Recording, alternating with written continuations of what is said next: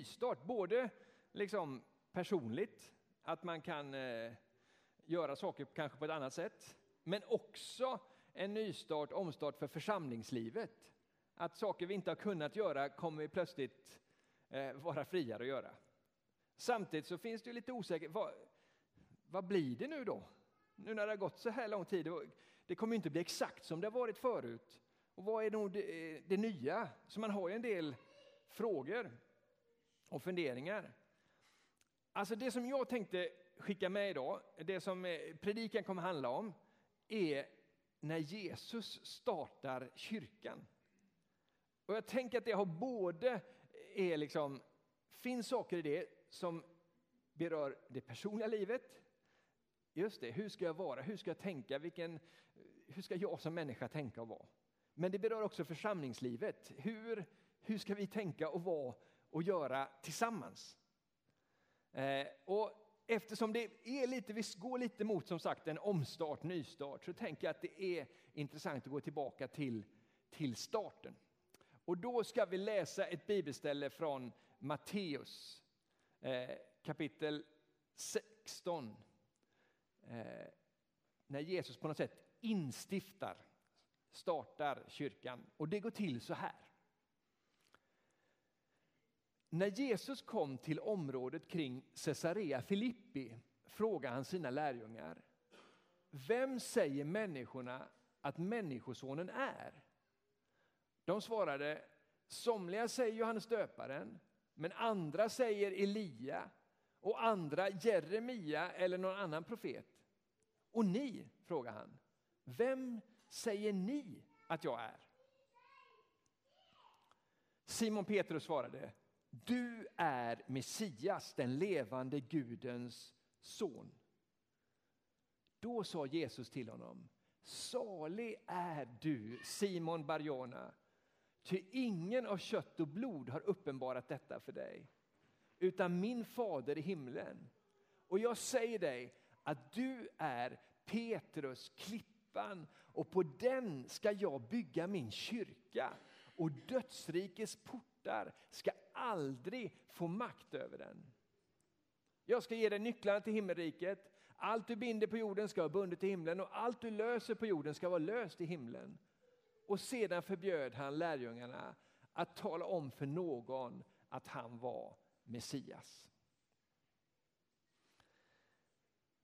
Alltså Jesus överraskar oss hela tiden och lärjungarna med. Och han utmanar och, och liksom det som verkar vara grejen för Jesus, han har också en tendens att spränga de gränser eller vad vi liksom kan tänka och se.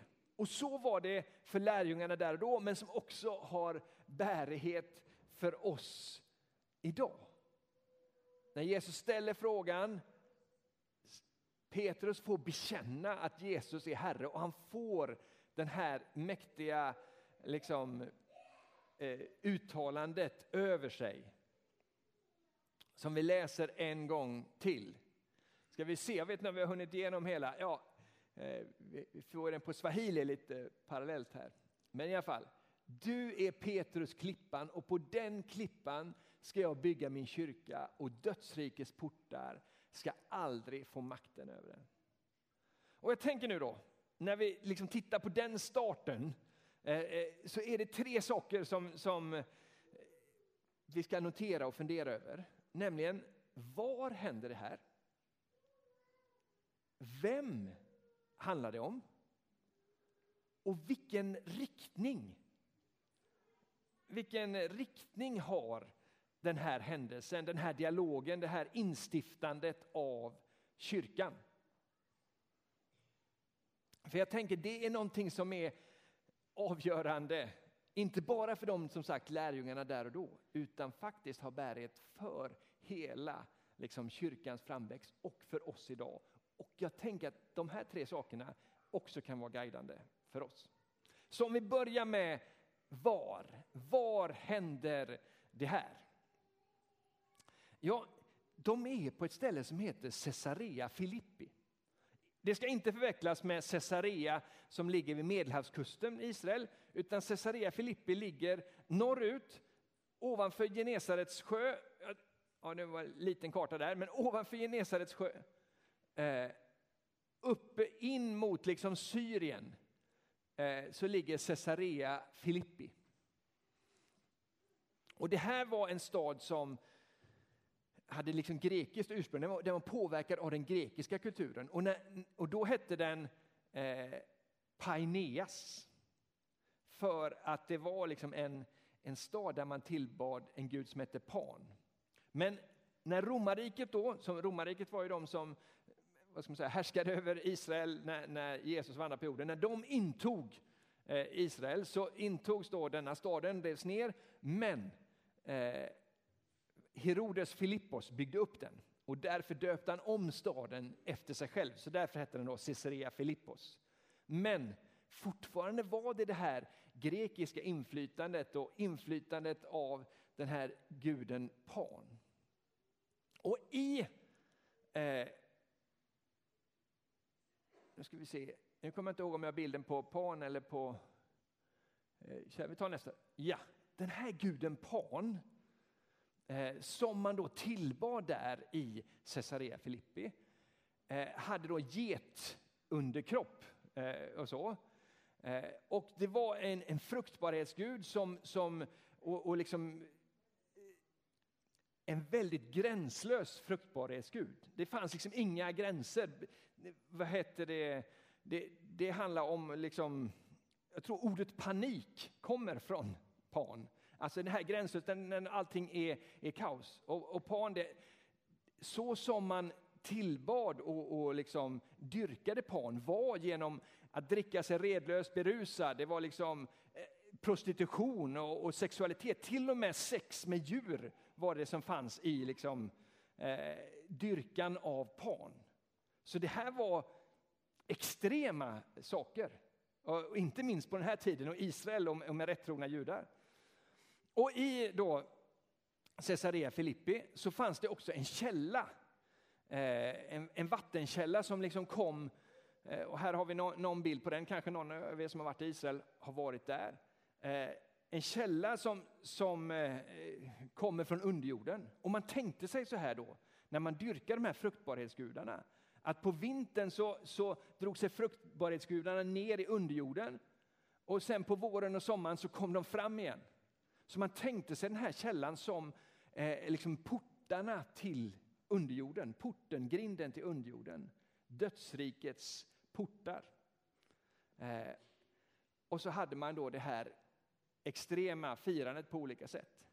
Så att man kan ju bara ana då, när Jesus tar med sig eh, sin, alltså inga rättrogna judar ville vara här. Det här var det här var liksom skammen i Israel på det sättet. Det här var prostitutionskvar Israels prostitutionskvarter, Red Light District of Israel. Eh, dit går Jesus och tar med sig också då de här tolv tonårskillarna. Man kan bara undra, det var liksom, eh, de måste ju ha tänkt de här tolv killarna som är med där. Oh, oh, nu undrar jag om man vet vart vi är på väg att gå här nu, för det här är ju liksom, det här är ju andra grejer och hit ska vi verkligen hit. Men dit Precis dit gick Jesus.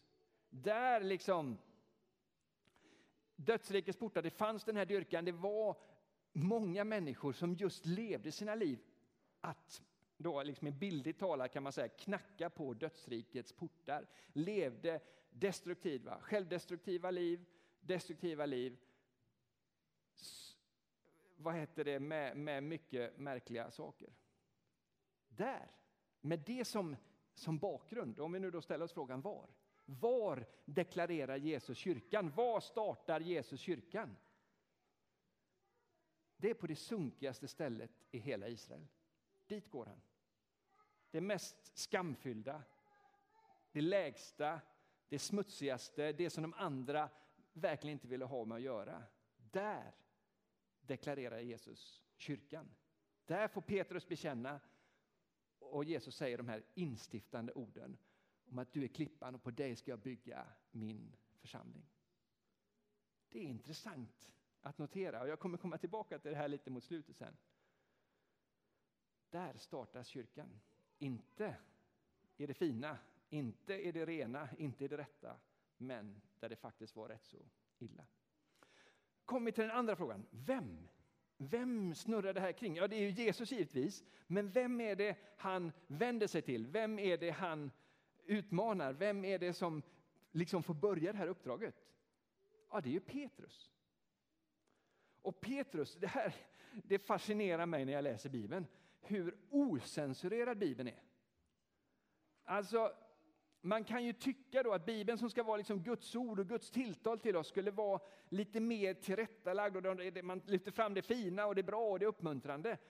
Men när man läser om Petrus, som faktiskt också är den som, som då blir ledare för kyrk, kyrkan, så är det inte så väldigt smickrande beskrivning. Alltså jag tänker mig så här, och nu, eh, som jag sa förut, jag är ansvarig för, för eh, utbildning i pingst och alla bibelskolor och allt sånt där. Jag har någon typ av övergripande ansvar. Det som jag kommer göra nu, det är inte så här vi undervisar på skolorna, det är inte så här vi tror att det gick till, men det är mer som ett litet tankeexperiment nu. Eh, så häng med mig här, ni får inte komma och säga att Johannes sa att det gick till så här. Nej, jag, jag tror inte det gick till så här, men det kan bara hjälpa oss att, att få liksom bilden av Petrus, för vi tänker oss, vi spelar fram eh, tiden, 30 år framåt eller vad det nu kan vara, från, från när det här hände när Petrus faktiskt är ledaren för kyrkan. Och så tänker man så här, ja men det behöver ju skrivas någon bok om det här. Vi behöver ju skriva Nya Testamentet. Eh, vi kallar samman lite bra eh, evangelister. Eh, så, så vi tänker oss nu då att Petrus som ledare för kyrkan kallar samman de fyra evangelisterna. Och det är det här jag menar, så här tror ingen att jag går till, utan de har ju skrivit på sina egna håll och allt sånt där. Men nu, nu är ni med i min lek här. Så. Så, så vi tänker att eh, Petrus då, han är, han är ledaren för kyrkan, så här, mm, sitter i sitt kontor och har kallat samman alla. Och eh, först då kommer ju liksom Markus är ju där snabbt. Eh, liksom, Åh, ska vi börja? Är mötet på gång nu? Det gäller att använda tiden och här går det liksom. Han vill liksom börja på en gång. Och, och för, om man har läst Markus så vet man att han har hunnit mer i sina två första kapitel än de andra hinner i hela sina evangelier nästan. Alltså han kör, det finns ett uttryck tror jag på grekiska i, i Markus som är Kai ev tyster betyder och strax. Det, står så, det är lite som barn skriver, ni vet. Sedan gjorde jag, sedan gjorde jag, och sedan, när man är liksom ny, nybliven skribent. Så skriver lite grann Markus. Och det har man tagit bort i svenska översättningen för man orkar inte läsa det där. Eh, men, men det är som att det händer så mycket hela tiden. Och han är ju snabbast på mötet, han är ju först och väntar på alla. Bara, ska vi inte börja snart? Och då glider Lukas in lite lugnare och säger så här, lugna ner er. Det viktiga är ju att vi vi har ordning och reda på det här vi skriver. Eh, vi kan inte bara stressa och forcera, vi måste kolla fakta och liksom se, gå tillbaka till urkunder och, och vittnesbörd och sånt där så vi får liksom den rätta berättelsen. Här ska det vara noggrant. Och, och, och lite grann då glider Matteus in och säger ja, och vi får inte glömma liksom perspektiven bakåt och hur det här uppfyller profetier och hur det, hur det uppfyller det judiska och eh, historien på det sättet. Och, och, och sist av allt så kommer lite sent. Och, eh, Johannes kommer in där då. eh, känner jag lite dålig stämning här? Kan vi, inte, kan vi inte börja med en kram här? Det viktiga är att vi alla älskar varandra. Liksom. Inte, vi ska inte hålla på och dis, diskutera det, kärleken. Liksom. Eh, vi älskar varandra en stund och sen ser vi vad jag skriver. Och så är de här då fyra samlade. Petrus då, ja, bra att ni alla kunde komma. Välkomna, kul att ni är här. Och och, så, och jag, jag har tänkt på detta nu när vi har kyrkan, att det skulle vara bra om vi kunde ha en bok också som berättar om, om Jesus och, och, och så. Eh, och då har jag tänkt på några saker. Jag tycker det är superviktigt att vi skriver om Jesus, men några detaljer. Alltså det här med att Jesus gick på vattnet, det tycker jag är väldigt bra om vi kan få med. Det visar ju att Jesus han liksom herre över naturen. Han, han, liksom, han, har inte de begränsningarna som vi har. Jag, jag, tycker det är en viktig och bra berättelse. Den där lilla detaljen när jag försökte gå på vatten och sjönk. Alltså jag tänker, det är inte så viktigt att vi får med i den här. Alltså, jag tycker det, att Jesus går på vattnet, men att jag sjönk, det, det är liksom ingen... Om vi, om vi kan tona ner det någonting. Eller den där gången vi var på förklaringsberget, det här höga berget, vi fick se liksom Mose och Elia och vi förstod att Jesus verkligen var liksom Gud och det var hur mäktigt som helst. jag menar ju inte att jag tänkte att vi skulle bygga hus och, och stanna där för alltid. Jag, jag, jag, alltså jag, jag blev lite medtagen av, av, av liksom stundens härlighet. Va? Jag fattar att vi kan inte bo i en berg, då hade ju inte korsfästelsen, hade inte uppståndelsen, hade inget av det här hänt. Vi, vi kunde inte stanna där för alltid. Men då kanske jag sa det. Men vi kanske inte behöver ta med det när vi skriver. Vi ska skriva om Jesus. Jag tycker, ha blicken fäst på Jesus, det är en slogan, den kan du skriva upp där. Så. Vi, vi, fogar, vi, vi fokuserar på det. Eh, eller den där gången när Jesus kallar mig för Satan. Är det okej okay om vi tonar ner det lite grann? För jag, men nu är jag ändå ledare för kyrkan och ni vet det kan bli lite begreppsförvirring eh, om vi har det så. Eller kanske, kanske att det kan ha sin poäng att, att ta med någon gång att jag förnekar Jesus en gång. Men måste vi verkligen ta med alla tre gångerna? Det var liksom en tung period för mig. Och att sen jag gick tillbaka till fisket efter det, att jag på något sätt gick tillbaka till det jag var innan jag mötte Jesus alldeles på slutet, det kanske inte heller var det allra bästa. Det skulle vara bra om vi inte tar med det. Och som ni förstår så var det här mötet har aldrig ägt rum och evangelisterna skrev i olika tider, olika platser och bakgrunder. Och alla de här grejerna om Petrus finns ju med i evangelierna. Så den där Petrus som står där på det här sunkiga stället i Caesarea Filippi, som med sin, han verkar ha liksom någon typ av, av driv och, och liksom spontanitet. Han bekänner ju Jesus där liksom spontant och rätt och får det här uttalat över sig. Du är Petrus, klippan. Han är ju långt ifrån en perfekt person. Och det här jag har pratat om nu var inte saker som han gjorde innan det här, utan detta är saker som hände efter att Jesus uttalar den här liksom, eh, över honom. Men ändå fick han liksom bli grunden för hur kyrkan byggdes. Ändå, med sina fel och brister, så fick han det. Och jag, jag har den här skylten, eh, arbete pågår, och jag tänker att det är ju så. Och vår kyrka, och det vet ju alla vi som varit med i en församling, vi, vi, säger ibland väldigt fint att ja, men här är gemenskapen där den som inte är perfekt får vara med. Här får alla vi vara med, för vi alla har ju liksom brister och problem. Men vi vet ju också baksidan av det. För när vi människor med brister och problem, som vi alla är, är med, så gör vi dåliga saker. Vi säger elaka saker. Vi kanske talar skit om någon och någon får höra det. Någon gör något som inte var så lyckat och det skadar någon annan. Någon missbrukar ett förtroende, någon känner sig förbigången, någon blir inte lyssnad på, någon blir dåligt behandlad och det är kyrkan och det gör ännu mer ont än vad det kanske skulle göra i ett annat sammanhang. Men kyrkan är inte perfekt. Det här bygget som vi är en del av, som startade där, som vi läste om för en stund sedan, är ett arbete pågår. Det finns en liten varningstriangel på det sättet. Och vi måste veta det om varandra, för Gud har valt att verka genom i oss vanliga människor. Och då har vi också våra brister. Då händer det misstag. Då gör vi saker som faktiskt skadar varandra. Fast vi är på rätt väg, fast vi tror på Jesus, fast vi är kristna, fast vi är frälsta, fast vi har fått gåvor av anden och allting, så händer det ändå grejer ibland som inte är rätt, som inte är bra, som skadar varandra. Så var det då och så är det också nu och vi behöver ha med den bilden. Men inte desto mindre fantastiskt. När Jesus startar kyrkan, när, Jesus, när Gud, Guds projekt, kyrkan, ja vad är då byggstenarna? Församlingen. Människor. Kyrkan är ju inte, och det är ju lite begreppsförvirring, för, för kyrkan är ju på ett sätt byggnaden, men, men när det talas i Bibeln om kyrkan så är det människorna. Det är vi tillsammans, det är där som Jesus är mitt ibland oss. Det är klart att en byggnad är viktig. Man behöver ha en byggnad där barn och unga kan få trivas och ha roligt, där man kan ha små samlingar och stora samlingar, där man kan göra eh, konserter och häftiga grejer som är lätt att, att samla människor till. Det är klart att en byggnad betyder något. Och jag är ju med i Smyrna i Göteborg och vi håller precis på att bygga en ny kyrka där. Eh, och det är jättehäftigt och jättebra. Men det är inte det som är kyrkan. Kyrkan är människorna. Eh, det är där liksom det mäktiga är. Och det är vanliga, enkla människor med brister, precis som Petrus, som bygget verkar bestå av. Så då kommer vi till det tredje, vilken riktning har detta då? Vad, vad, vad liksom, hur, hur målas bilden? Eh, vad, vad, är, vad, vad, vad liksom ligger i, i uppdraget som, som Petrus får? Och jag tänker att vi läser det igen. Eller i alla fall den sista strofen där. Och dödsrikets portar ska aldrig få makt över den. Det är ju en intressant bild som Jesus använder när han talar om kyrkan.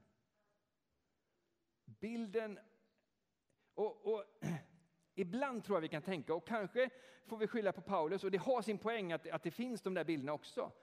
Ibland tror jag vi tänker kyrkan, församlingen, liksom det kristna, vi kristna tillsammans, lite, ganska mycket som något som ska hjälpa och skydda oss och försvara oss. Vi tänker kanske på trons rustning och att ja, men här kan vara en skyddad miljö och här kan, det vara, eh, här kan vi hålla borta sånt som inte är sunt och bra. Och, och det, det, tror jag man ska göra eh, på många sätt.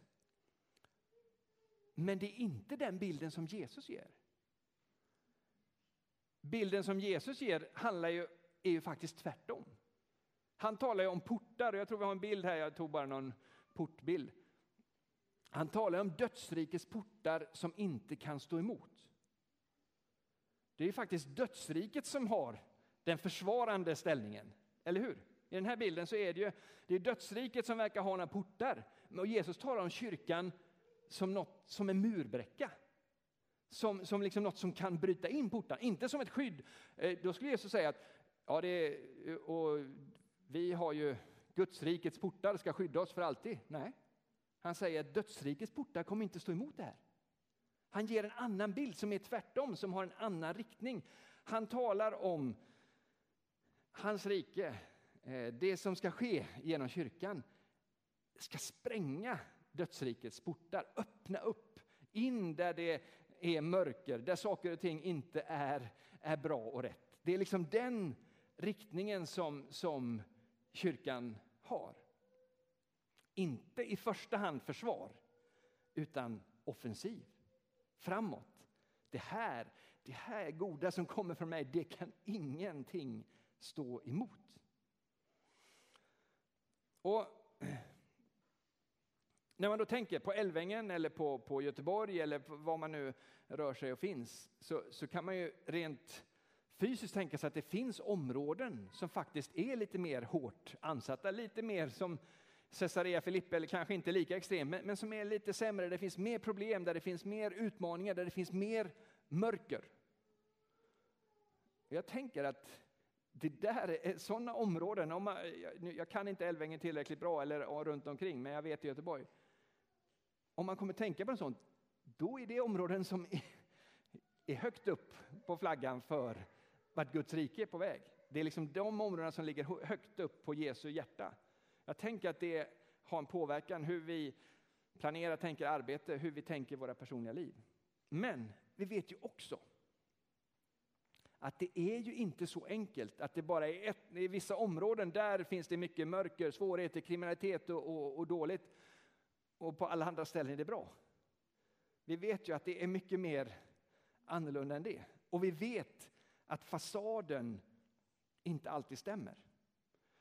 När jag gjorde lumpen så gjorde jag lumpen som brandman. Då var jag på en brandstation i Frölunda brandstation i Göteborg. Eh, och då, det var länge sedan, det var på den tiden som ambulansen var också på brandstationen.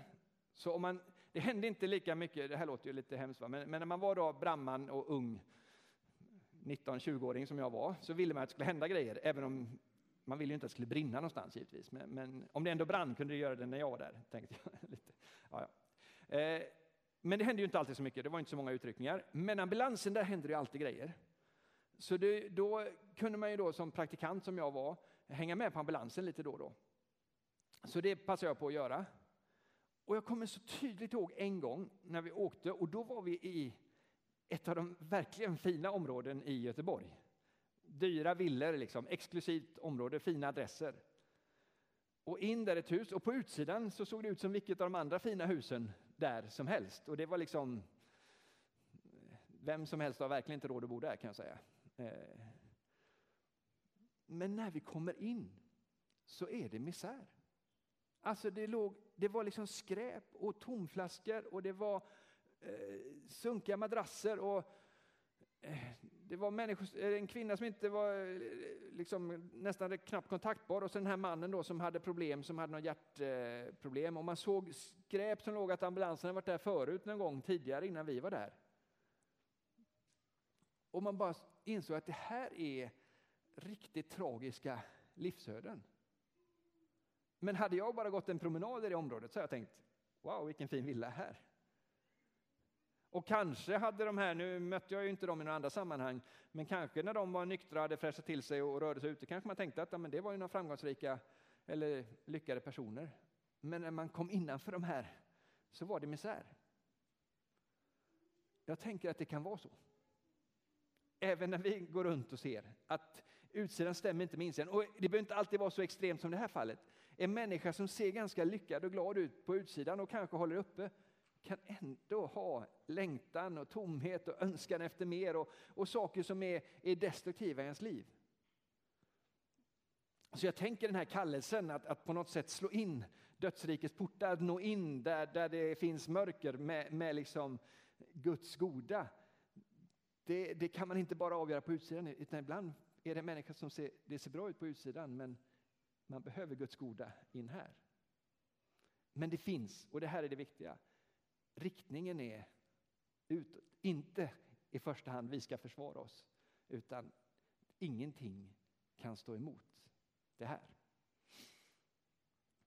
Så om man nu då ska dra ihop hur Jesus, hur det gick till när Jesus startade kyrkan. Och vi kan ta med oss det för att påverka våra liv, påverkas i den här omstarten som är nu, men överhuvudtaget. Så gick han till det sunkigaste området i Israel. Det mest destruktiva, det som ingen rättrogen ville ha med att göra. Där gjorde han deklarationen. Och den han uttalade, liksom, han som blev starten för det hela, han som blev den första byggstenen i ett bygge av levande stenar, var Petrus. En person med en massa brister, med en massa goda förtjänster. Och jag, det kanske låter som jag har talat ner Petrus mycket idag. Han har ju hur mycket bra som helst också. Men det var liksom inte poängen i den här predikan. Eh, jag får komma tillbaka i så fall. Mm, så, det, så illa var det ju inte. Men, det, men också en ansenlig del av inte så bra grejer. Ändå var det han som fick det här första. Och det är på något sätt hoppfullt för oss.